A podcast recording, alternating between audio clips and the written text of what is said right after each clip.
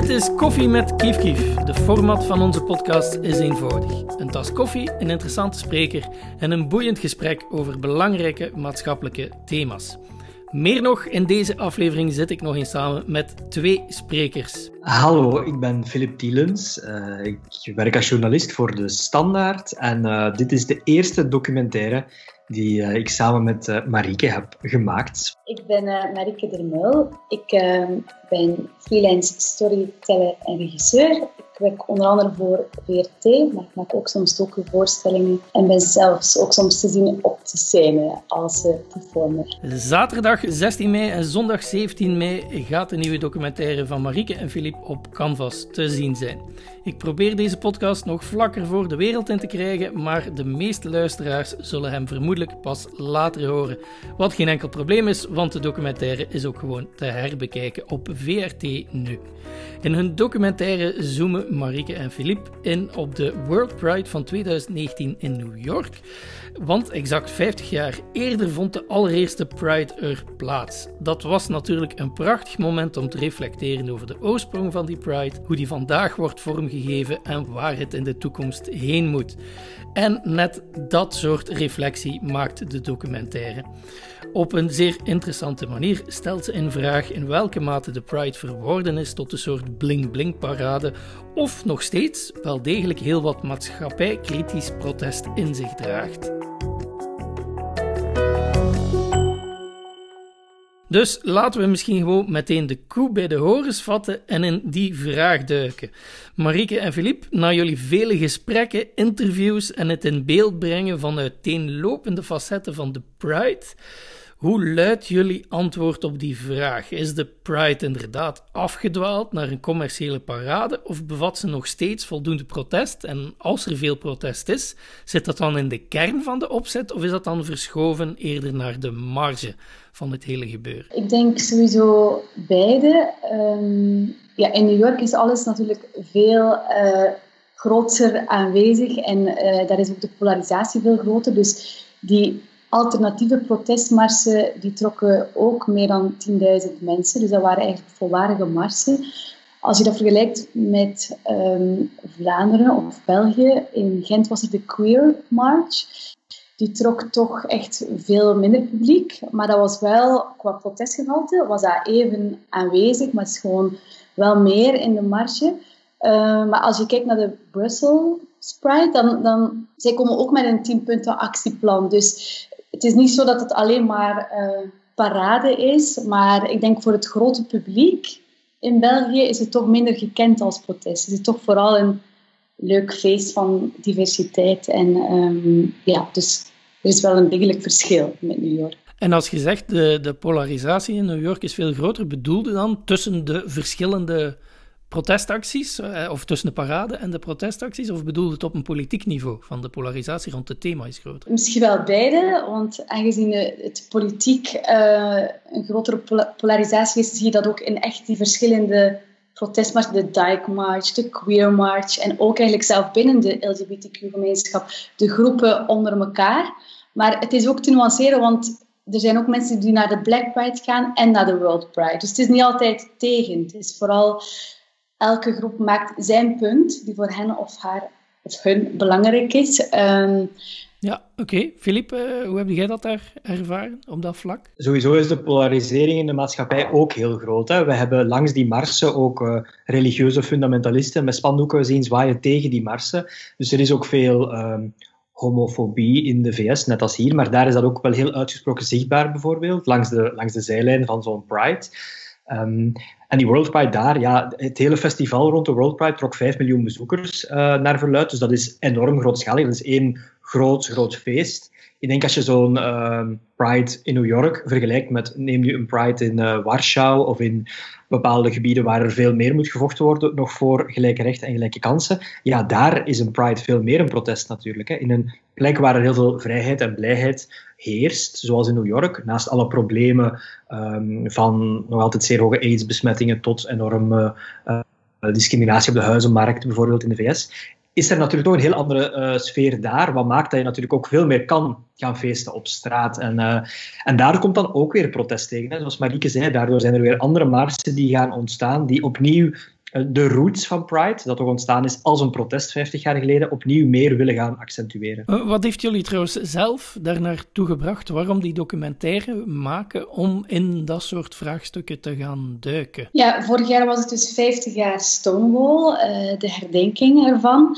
En ik moet eerlijk zeggen, ik wist zelf ook niet wat Stonewall betekende daarvoor. Dus dan ga je daarover lezen en dat triggerde mij het heeft mij ook aan het denken zetten van, als ik het niet weet, zullen er wellicht heel veel mensen zijn die die betekenis dat is zo. Kennen. Dus, dus misschien mocht je het ook voor eh, mensen die naar de podcast luisteren even heel kort toelichten. Zo. Ja, dus wat is er eigenlijk gebeurd? Uh, nu ondertussen al 51 jaar, want dit jaar is eigenlijk de 50ste herdenking van de, van de eerste Pride.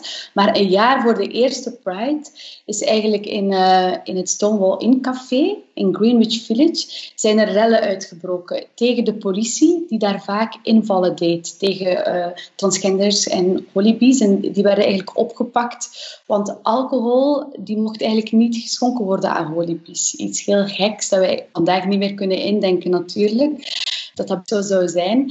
Uh, en eigenlijk zij is de LGBTQ-gemeenschap daarin uh, in opstand gekomen, daartegen in opstand gekomen. En daaruit is dus een jaar later de eerste Gay Pride ooit ontstaan. En dat is eigenlijk ook de aanleiding van onze docu. We schetsen een beetje waar, waar het vandaan komt en dan gaan we naar waarvoor er vandaag de dag nog moet gevochten worden. En, en zijn er ook persoonlijke redenen waarom dat je dat getriggerd heeft? Je geeft in de documentaire zelf aan um, dat je u tot de LGBTQI enzovoort rekent.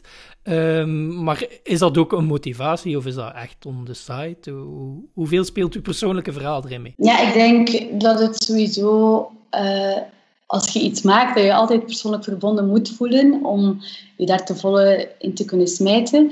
Ik ben, ik ben bijvoorbeeld nog verliefd geworden op mannen en dan was het opeens een vrouw. Dus ik, ik ken de beide kanten. Of ik, uh, ik denk die, die switch die in mijn leven kwam, heeft mij ook nieuwsgierig gemaakt naar de LGBTQ-gemeenschap. En je wordt daar lid van zonder dat je het weet. Doordat je ook in contact komt met vrienden van je nieuwe geliefde, snap je? Dus ik voel mij wel verbonden met die gemeenschap, maar ik ken ook wel mezelf die dan kritisch kijkt naartoe. Of snap je? Dus het is denk ik een gezonde, um, een gezonde balans. Mm -hmm. En daarom, vandaar die documentaire, denk ik ook.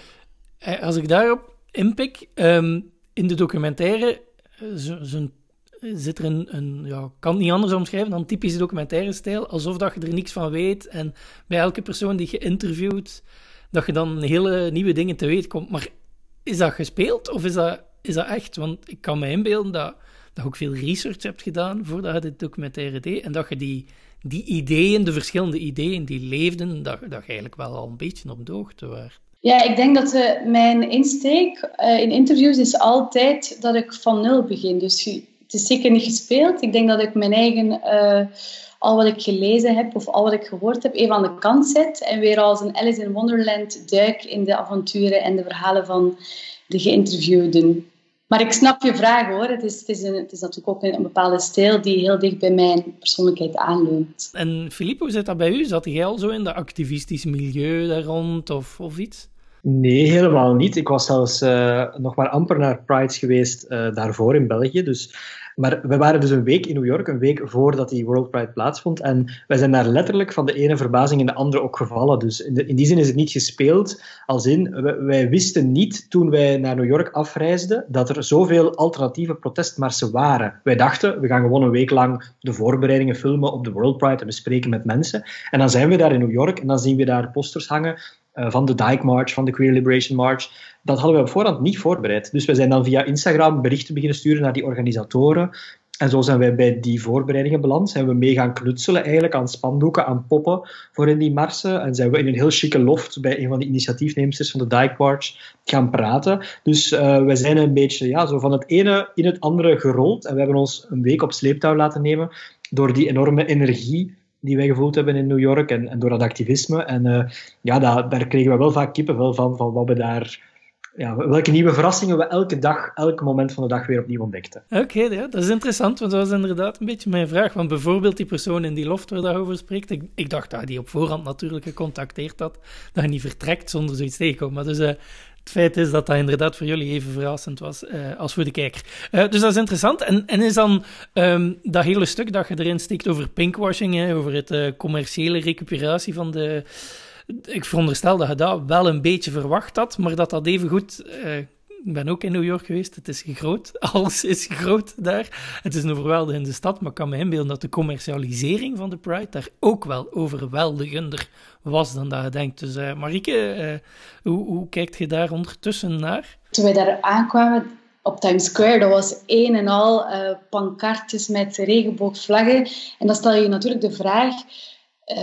Steunen die bedrijven daadwerkelijk ook de gemeenschap? En er is ook een interessante rapport uh, verschenen dat um, ja, sommige uh, bedrijven dus de vlag uithangen, maar dan ook wel heel rechtse politici steunen ondertussen. Dus dat, is, ja, dat contrast is natuurlijk heel interessant. En ik denk bij ons in Vlaanderen is het dan weer meer de politieke recuperatie van de Pride. Dus um, een, bijvoorbeeld uh, vorig jaar was er enorm veel te doen rond een aantal NVA leden die op de Pride aanwezig waren en die dan ook een aantal uh, anti-gay tweets hadden verstuurd. Dus ja, het is denk ik daar veel meer de commercialisering en bij ons veel meer het, politieke. En nu is er ook een, een uh, actieplan dat bedrijven en politici uh, moet, gescreend worden alvorens dat ze op de Pride eigenlijk aanwezig mogen zijn. Een soort denk tien punten plannen ook, of een acht punten plan. En, en, spreekt u dan over de Pride hier, of de Pride daar, of gewoon wereldwijd is dat de norm aan het worden dat politici en bedrijven gescreend worden? Nee, dat is bij ons, uh, bij ons in België. Ah, ja, ja, oké. En dat is interessant. En, en denk je dat je de politieke recuperatie, want ik zat daar zelf wel wat mee, als ik naar de als ik naar de documentaire keek, dat ik me afvroeg van ja, oké, die commerciële recuperatie is zeer zeker en, en problematisch. Um, maar in België is het inderdaad veel meer die politieke recuperatie die sterk opvalt. En daar zwijgt je wat over in die documentaire. Heeft dat te maken om, met het feit dat dat daar ook echt minder is? Of omdat je misschien ook gewoon de Amerikaanse context wat minder kent en dus minder goed kunt inschatten in wat voor manier dat de politiek dat daar recupereert? Of als je met de mensen praat, um, was dat een thema dat zij aanbracht van nee, hier gebeurt dat eigenlijk niet? Het was eigenlijk vooral... Uh toch die commercialisering die daar in alle interviews aan bod kwam. En wij zijn daar aan trouw gebleven natuurlijk in onze documentaire. Maar wij dachten dat het wel interessant kon zijn om het, het gesprek in Vlaanderen daar ook over te openen. Want er zijn natuurlijk gelijkenissen. Uh... Dat is natuurlijk ook verweven, hè, want dat rapport waar Marieke over sprak, uh, waarin uh, de tien multinationals werden opgelijst die het meest aan pinkwashing deden. En hoe, hoe, deden ze dat? Door ook geld te geven aan politici en belangengroepen die anti-LGBT-uitspraken uh, of uh, standpunten hadden. Dus in die zin, bedrijven in de VS, wanneer er een presidentsverkiezing is, die leggen vaak hun geld in de twee bakjes, omdat ze natuurlijk van beide voordelen verwachten.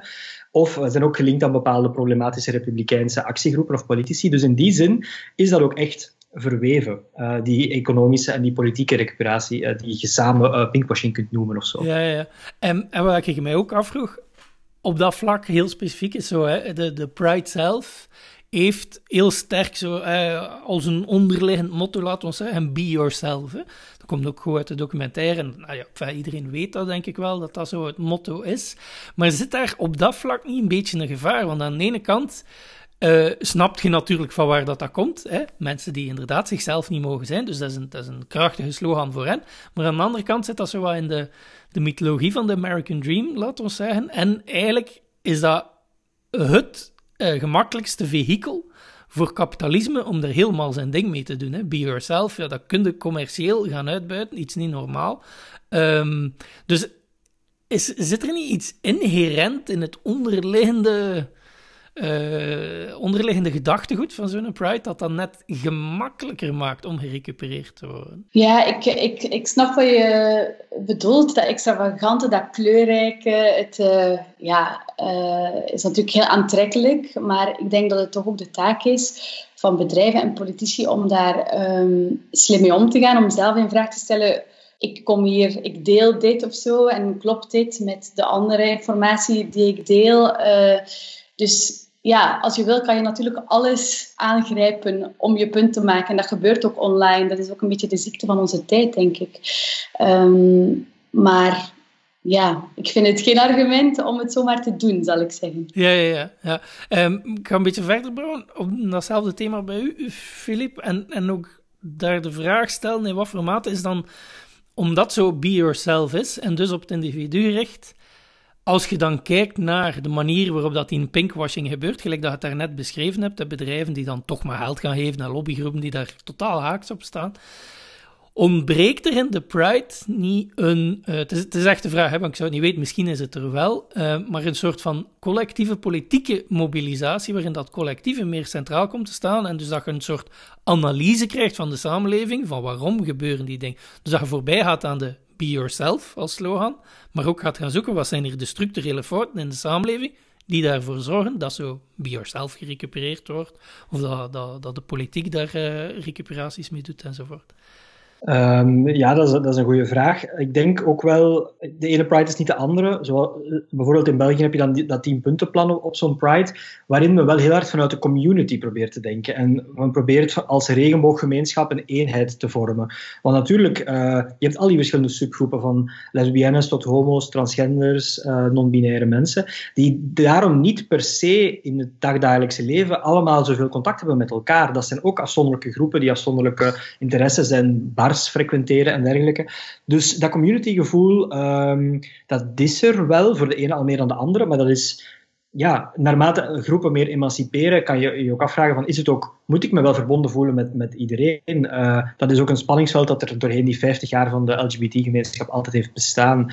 Um, maar die andere marsen, neem nu die Queer Liberation March, die denkt heel hard vanuit de structuren en vanuit de, de de maatschappelijke discriminaties die er voor heel de community zijn. Daar zie je heel hard slogans die bijvoorbeeld zeggen: uh, We have to march for those who can't. Wij moeten marcheren voor de, de minder geprivilegeerden. En uh, there is no. Uh, we are not equal until we are all equal, bijvoorbeeld. Dus dat, dat idee van die community en van het gemeenschapsdenken zit, zit in die stromingen, in die marsen, feller dan in uh, de reguliere World Pride, die ook een ander doel heeft. Hè. Die heeft meer als doel om die zichtbaarheid te tonen en om de, de vreugdevolheid echt in de straten, in die avenues in New York uh, te tonen.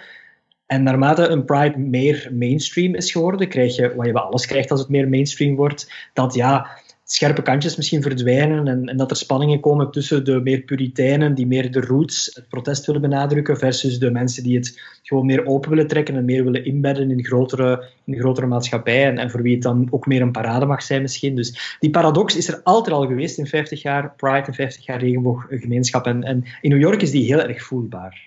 Maar als ik daar dan nog een, een kritische vraag mag bijstellen, uh, mag er altijd geweest zijn, maar zitten we nu bijna niet op een punt, en gezien de politieke recuperatie, zeker bij ons, en, uh, en de commerciële recuperatie, dat we uh, op een punt komen waar daar zo een mars in uw stad of in uw land hebben, is een beetje een must-have om u te laten zien als uh, de tolerante samenleving.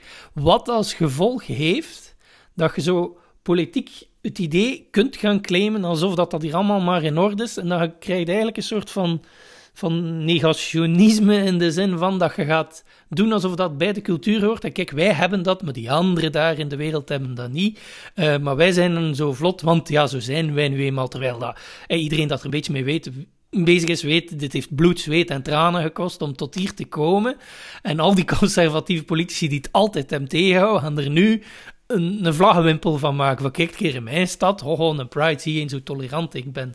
Um, zit daar geen, geen, ongelooflijke bittere nasmaak of zoiets? Dat is een interessante uh, bemerking. Ik denk sowieso, ja, aan, aan al die opmerkingen zitten twee kanten. Het is goed dat die vlag uitgehangen wordt. Moet zeker gebeuren, zoals nu zondag. Idaho, alle, alle gemeentes die dan die, die, vlag in de kijker zetten. Dat is goed voor het brede publiek, denk ik. Voor, voor mensen die, um, ja, om eigenlijk toch uh, die anti-gay, uh, holiday, uh, die, die haat daartegen toch uh, ja, daar, daar tegenin te druisen. Maar ik denk ook dat, dat ook daar um, politici en, en bedrijven en NGO's um, eh, een rol in te spelen hebben om daar bijkomend debat rond te voeren, die dan wel inhoudelijk is en die wel um, verdiepend werkt. Dus ik denk dat beide nodig is eigenlijk. Filip, ga, ga opnieuw wat op verder bouwen door, door de vraag ook nog wat verder in een andere richting te trekken, maar het is gerelateerd. Er eh, zit zo'n zalige scène in uw documentaire waarin dat er een transgender, een black eh, transgender, aan de Stonewall Café staat. Ik ben even haar naam vergeten, ik ben verschrikkelijk slecht met naam. Um, maar dus, en die... Miss Simone. Ja, ja uh, Miss Simone. Voilà, Miss Simone staat daar en, en zij zegt dan van, ja, dit is een museum voor ons. Hier gebeurt het helemaal niet, want als je zwart bent, dan mocht hier niet op podium staan, enzovoort, enzovoort. En dus wij gaan zelf met onze community naar heel andere cafés en één keer per jaar of zo staan we hier, want het museum is wel leuk om herinnerd te worden aan Stonewall. Maar op zich, de plek zelf, is eigenlijk een voorbeeld van hoe dat er andere structurele onevenwichten zijn beginnen insluipen. En ik bedoel daarmee dat dat in dezelfde lijn ligt, omdat dat je doet zo'n Pride en je denkt dan van het is allemaal in orde, maar andere onevenwichten worden wat weggedacht en moeten dan inderdaad door protesten aan de zijkant weer aangekaart worden, maar doordat je er als uh, commerciële wereld en politiek er een vlaggenwimpel van maakt, heeft dat direct misschien wel als effect dat dat soort issues naar de zijkant worden geduwd. Ja, dat zie je, om het even naar een andere plek te nemen, dat zie je het felst in uh, Israël bijvoorbeeld. Hè. De term pinkwashing wordt het meest in die context gebruikt. Tel Aviv profileert zich 10, 15 jaar al als de gay-friendly stad. En die Pride is zeer groot en populair ook. En die wordt uh, echt als een toeristisch uh, promo-ding voor de, de openheid van, van Israël gebruikt. Um, dat is enerzijds fijn, want het is de enige Pride in de Arabische wereld. Al is er sinds drie jaar, denk ik, ook een heel kleinschalige Pride in Beirut.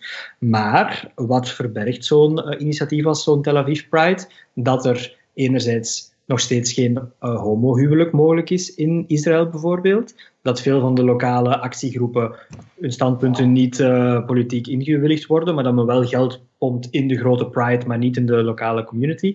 Maar vooral ook dat, dat, uh, dat men dus heel een soort gespleten um, open tolerantie heeft, wel ten opzichte van holibies, maar andere minderheidsgroepen, bijvoorbeeld de Arabische Israëli's en Palestijnen binnen of buiten het Israëlische grondgebied, hebben dan wel, uh, zijn dan wel tweederangsburgers bijvoorbeeld. Dus daarin uh, is er enorm veel kritiek op. Kijk naar het uh, Songfestival vorig jaar in Tel Aviv, waar, waar wij ook waren, omdat we daar ook reportages aan het maken waren. Daar zijn heel veel internationale LGBT-verenigingen die natuurlijk doorgaans fan zijn van het Songfestival, die zich kanten tegen zo'n Pride in, tegen Tel Aviv of tegen zo'n Songfestival in Tel Aviv, net omdat uh, de staat aan zoveel pinkwashing doet. Dus daar zie je dat heel erg bijvoorbeeld. En om dan even terug te komen naar uh, het voorbeeld van Miss Simone aan uh, Stonewall.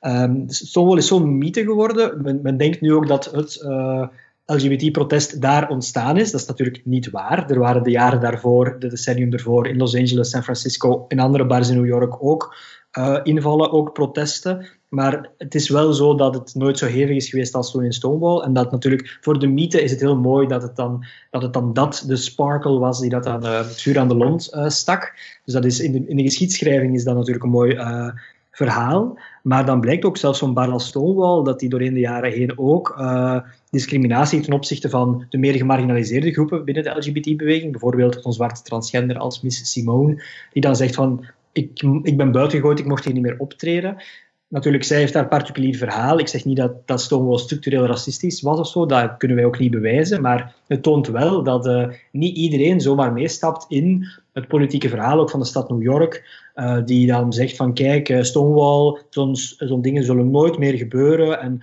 we excuseren ons ook voor wat er toen gebeurd is. En toch zie je dat er ook nu nog jaarlijks minstens 25 uh, transpersonen worden vermoord in de VS. Vaak ook door politiegeweld, ook op een gevangenis als Rikers Island bijvoorbeeld, gebeuren die uh, vaak ook moorden. Dus ja, het geweld zit nog in die samenleving, zit nog bij die politie, uh, is niet helemaal weg. Ook niet wanneer er 5 miljoen mensen op zo'n mars komen in New York. Ik wil daar ook nog aan, aan toevoegen. Um, in New York is dan de eerste Pride ooit ontstaan, maar dan als je kijkt in de VS zijn er ook nog 28 uh, eh, staten waar je eigenlijk kunt ontslaan worden van je job als je getrouwd bent met iemand van hetzelfde geslacht. Dus ja, dat, je vermeldt dat in je documentaire, maar dat is letterlijk een wet dat dat, dat mag? Of uh, moet ik dat, dat begrijpen? Is omgekeerd. Eigenlijk is er nog geen wet die het verbiedt. Ah, ja, dus, ja.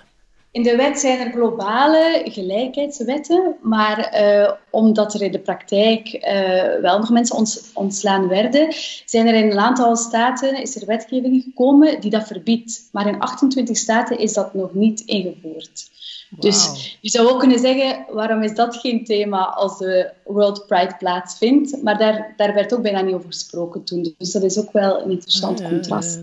Ja, ja niet, niet iedere staat heeft anti-LGBT-discriminatiewetten. Net zoals bijvoorbeeld in heel veel Europese landen dat ook specifiek uh, geen uh, extra criterium is, waardoor natuurlijk het veel makkelijker gebeurt dat je gediscrimineerd wordt omwille van je genderidentiteit of uh, seksuele oriëntatie. Ook al is dat natuurlijk uh, tegen de fundamentele rechten van de mens, maar als het niet gespecificeerd wordt, ja, dan is er weer een weg open, zo gezegd. Ja, natuurlijk. En als je wilt een kleedje maken, dan moet je naar de rechtbank en de hele dingen. En dan moet je al geld hebben om het te kunnen doen. En allee, dus een structurele manier om het eruit te krijgen. Dat is interessant, ja. ja. Maar, maar dat, dat toont dus aan hoe, hoe maatschappij breed dat nog is. En daarom, misschien om een beetje een ander onderwerp aan te kaarten, dat ook in uw documentaire zit, zo, hè, de relatie, religie en, en homofobie.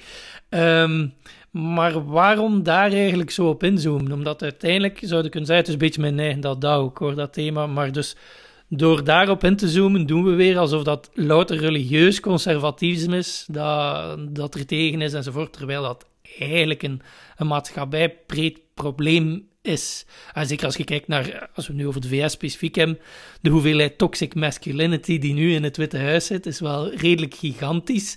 Je kunt het moeilijk uh, religieus noemen. Er zijn wel banden met, met white supremacist Christians en zo. Die zijn er wel, maar maar goed, iedereen weet dat, dat Trump zelf nu niet per se een schoolvoorbeeld van een religieus persoon is. Dus waarom daar dan toch weer op inzoomen, op dat klassieke beeld van zie een keer hoe dat religies alles blokkeren, terwijl dat je tegelijk ook een ander voorbeeld geeft hè, van, uh, van een protestantse dominee die juist uh, Pride-momenten organiseert in zijn kerk, allemaal fantastisch. Maar dat toont net hoe, hoe verscheiden dat op religieus vlak kan zijn en, en, en dan toch die dat frame erin steken of zo? Jouw vraag is natuurlijk heel legitiem. Um, ik, ik denk dat sowieso de meningen die je kan sprokkelen, mensen die heel extreem zijn, die durven het ook onder woorden brengen.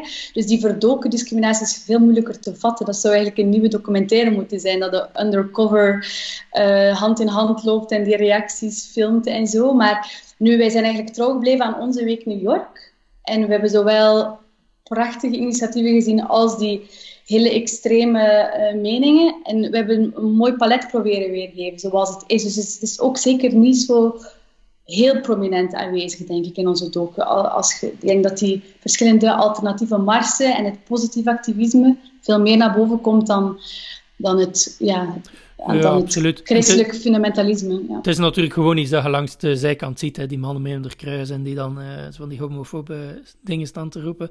Um, ja. maar, maar het is vooral omdat ik, ik zeg het is een beetje mijn dat ik mezelf theoloog van opleiding ben er nogal mee bezig. Ah, en dus uh, Philippe, uh, ik ga die vraag naar u smijten. mijn opvolgvraag hiervoor, um, omdat je zelf aangeeft van Stonewall, het is een verhaal het is een beetje een mythe geworden. Er is een historisch feit natuurlijk, maar hoe het leeft in de perceptie is ondertussen redelijk mythologisch.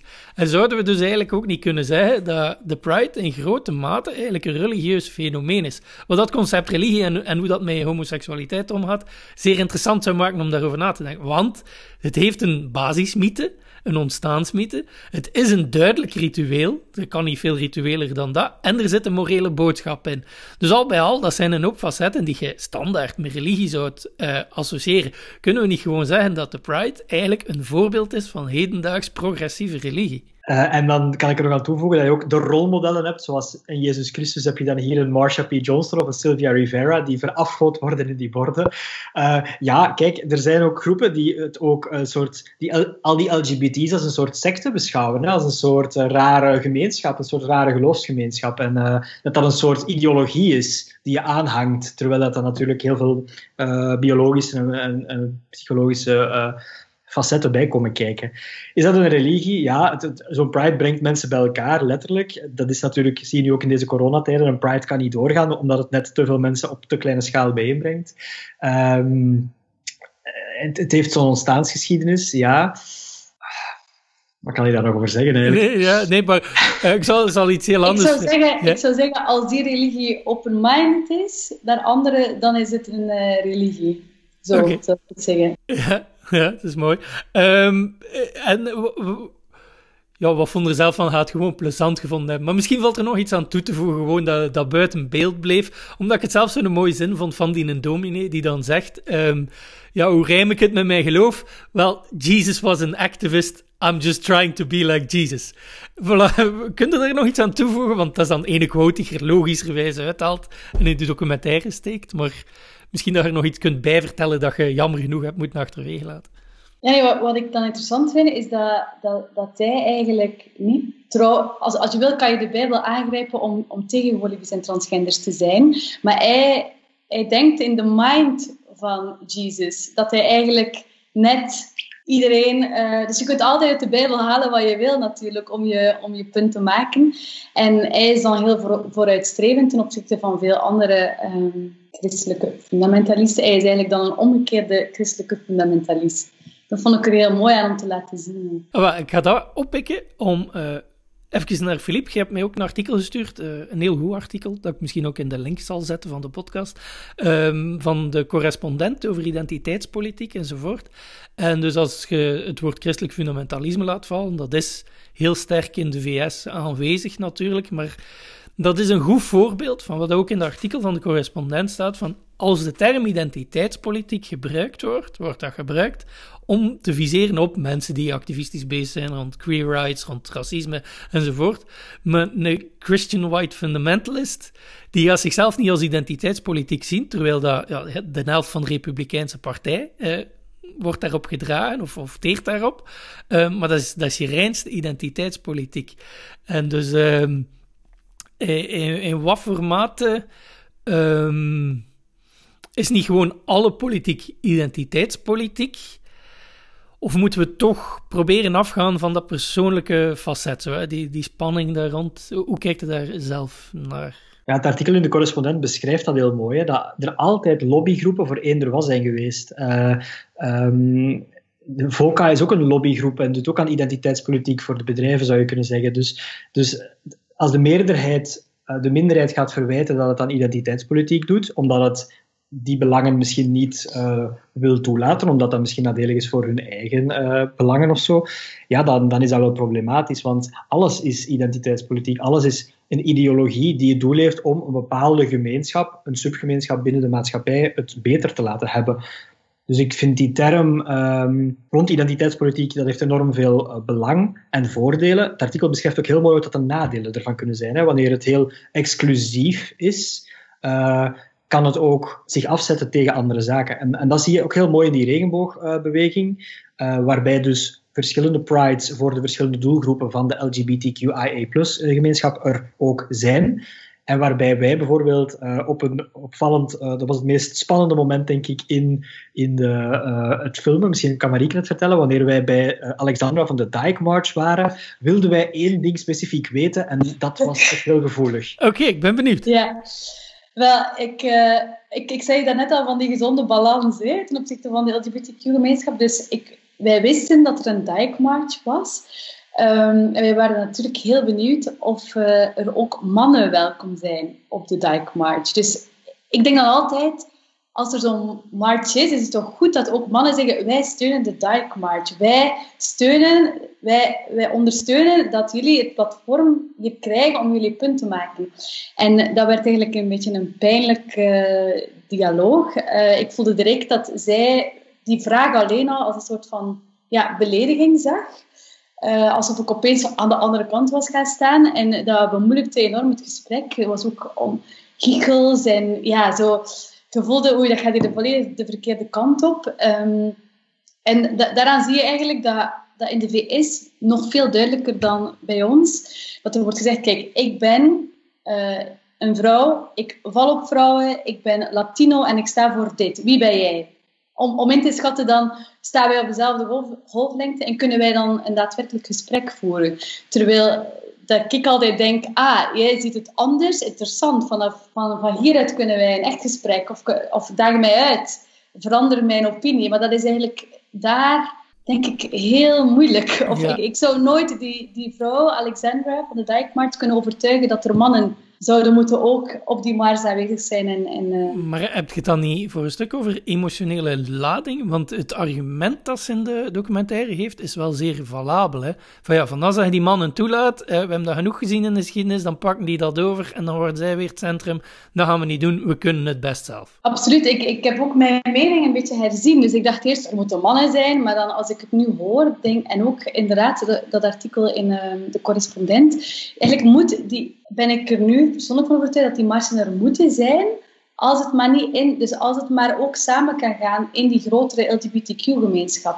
Stel dat die marsen er niet zijn, dan blijf je in die vaste hiërarchie zitten. Dus onder het mom van LGBTQ-gemeenschap, maar in die scheve verhouding. En dan, dan komen die actiepunten niet aan bod. Want ze zitten namelijk onder de radar. Idealiter is het een en-en verhaal natuurlijk. Hè.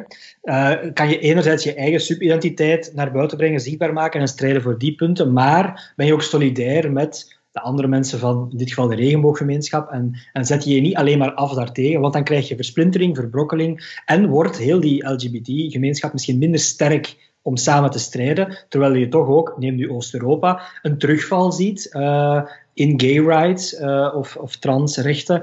Dus we mogen ons niet van de vijand vergissen, denk ik ook wel. Nee. Ja. En ik denk ook dat wat, wat interessant kan zijn, dat het een kwestie van tijd is. Want stel nu dat uh, de eerste feministen, dat toen een man zei, ik ben feminist. Dat, dat, dat, was misschien niet op zijn plaats toen. Maar als nu een man zegt, ik ben een feminist. Ik vind het belangrijk dat een vrouw evenveel rechten heeft als mij, valt het mee, er is tijd overgegaan en het is al iets die een bredere, uh, waar, waar een bredere laag achter kan staan. En dan is het misschien wel op zijn plaats. Absoluut. Maar je zegt ook, hè, van, het moet ook. Uh, uh, je, je, kunt groepen ernaast hebben als je maar het grotere geheel ook kunt vormen. Maar heb je gemerkt dat er groepen zijn die zich totaal distancieren? Want op zich, als je het van een afstand bekijkt, zelfs hoe kritisch dat ze ook tegenover de mainstream pride, of hoe dat ik het ook moet noemen, staan, hun tegenacties gebeuren in dezelfde periode. Dus ergens kun je zeggen, sowieso vormt het een geheel, hè? Hoe, hoezeer dat ook buiten staat. Of heb je soms toch het gevoel gekregen van, nee, nee,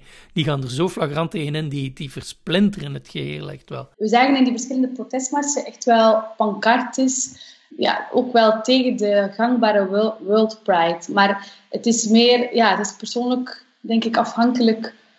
Ja, iedereen heeft andere actiepunten. Dus het is eigenlijk beide. Het is één geheel, maar het, opzetten is wel echt als een alternatieve protestmars. Ja, en op zich is dat mooi. Hè? Dat wil zeggen dat er interne kritiek bestaat binnen een groter activistisch geheel. Wat vaak ook het verwijt is uh, naar de mensen die zogezegd met identiteitspolitiek bezig zijn. Alsof dat ze nooit het hebben over hun eigen uh, fouten en, en, dingen waar dat er um, machtsverhoudingen verkeerd zijn. Zo, terwijl dat, dat je recht naar kijkt, wel gebeurt. Hè. Um, maar toch ook een beetje nog een keer terug naar het thema dat ik wel heb laten liggen van die een be yourself. Want volgens mij zit dat daar dan wel weer wat in. Als dat uw onderliggend motto is, dan um, en natuurlijk ook het gevaar dat je op politiek vlak daarin een impasse mee raakt. Want ergens kun je ook zeggen, weet je, al die die zo anti zijn en hyperhomofoob, ja, die zijn ook maar zichzelf. En dus je komt op een punt waar dat be yourself inhoudt, dat je... Uh, dat eigenlijk vastloopt omdat, omdat hart tegen hart gaat zijn. Be yourself wordt uiteindelijk, dit is mijn mening en dat is uw mening en we zijn niet, totaal niet eens met elkaar, voilà, we vliegen er tegenin.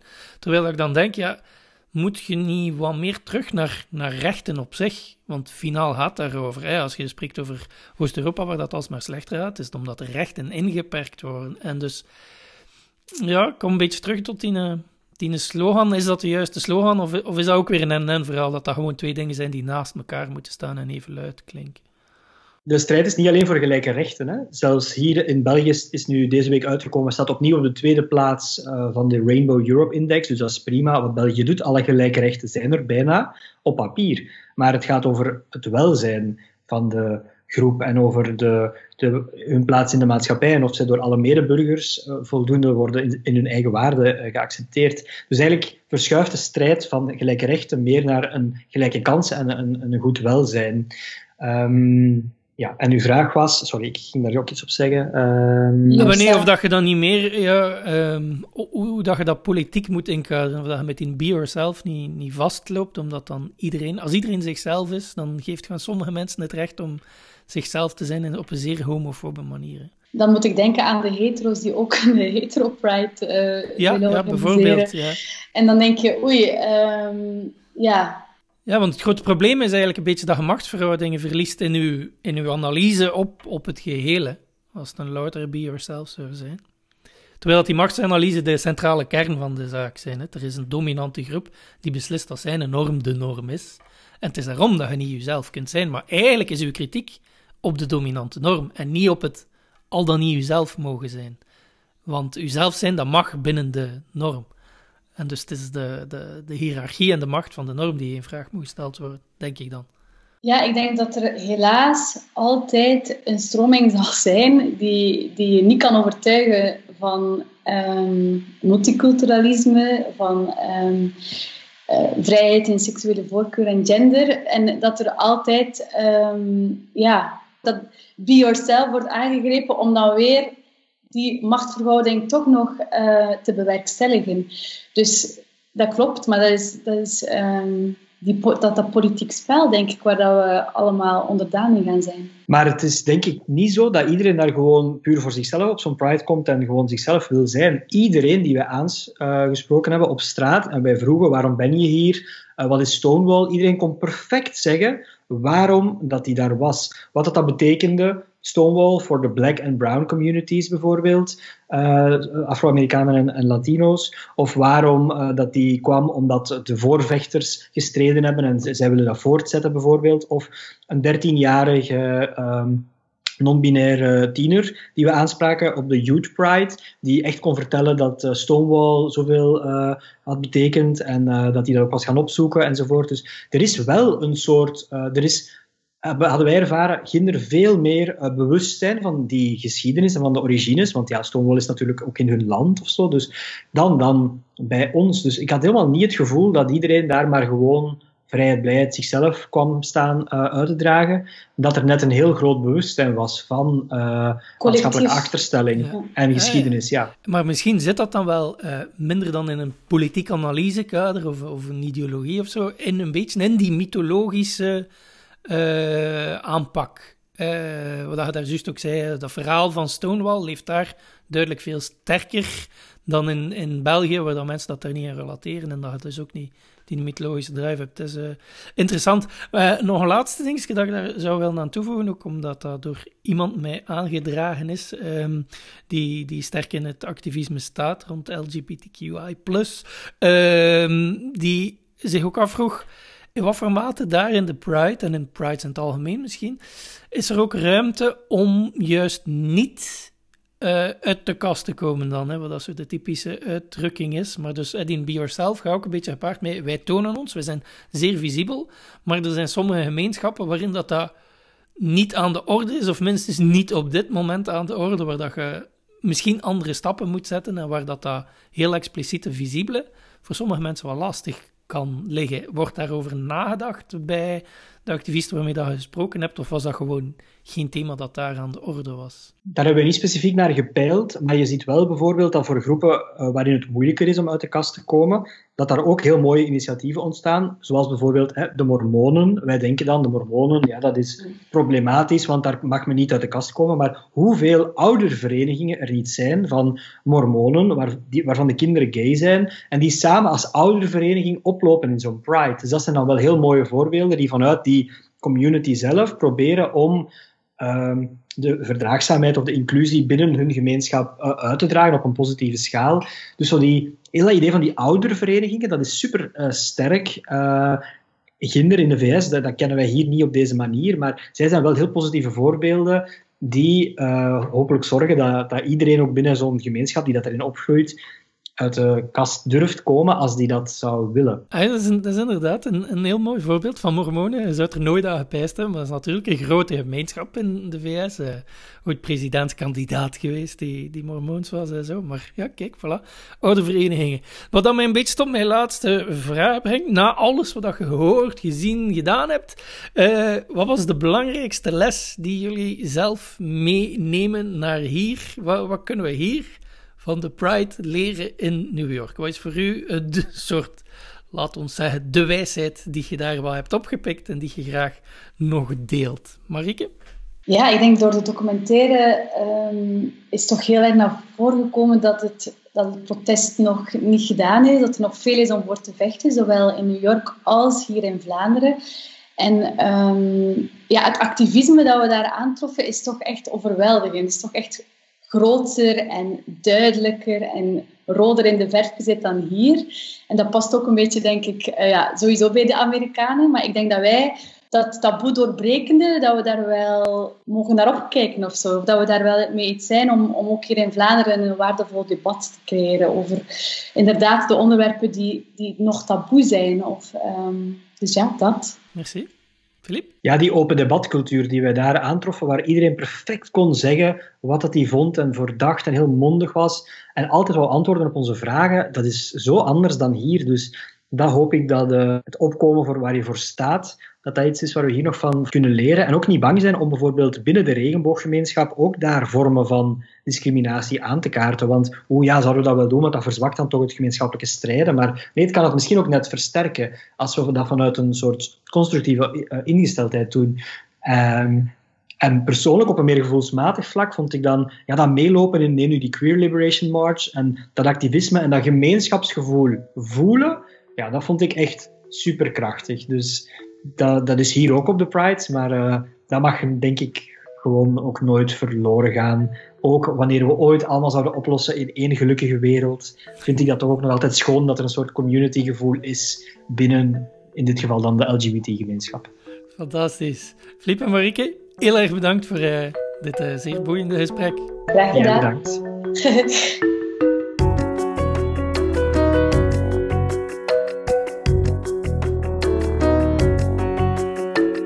Dit was weer eens koffie met Kief. Hopelijk was het boeiend genoeg om je aandacht tot hier vast te houden.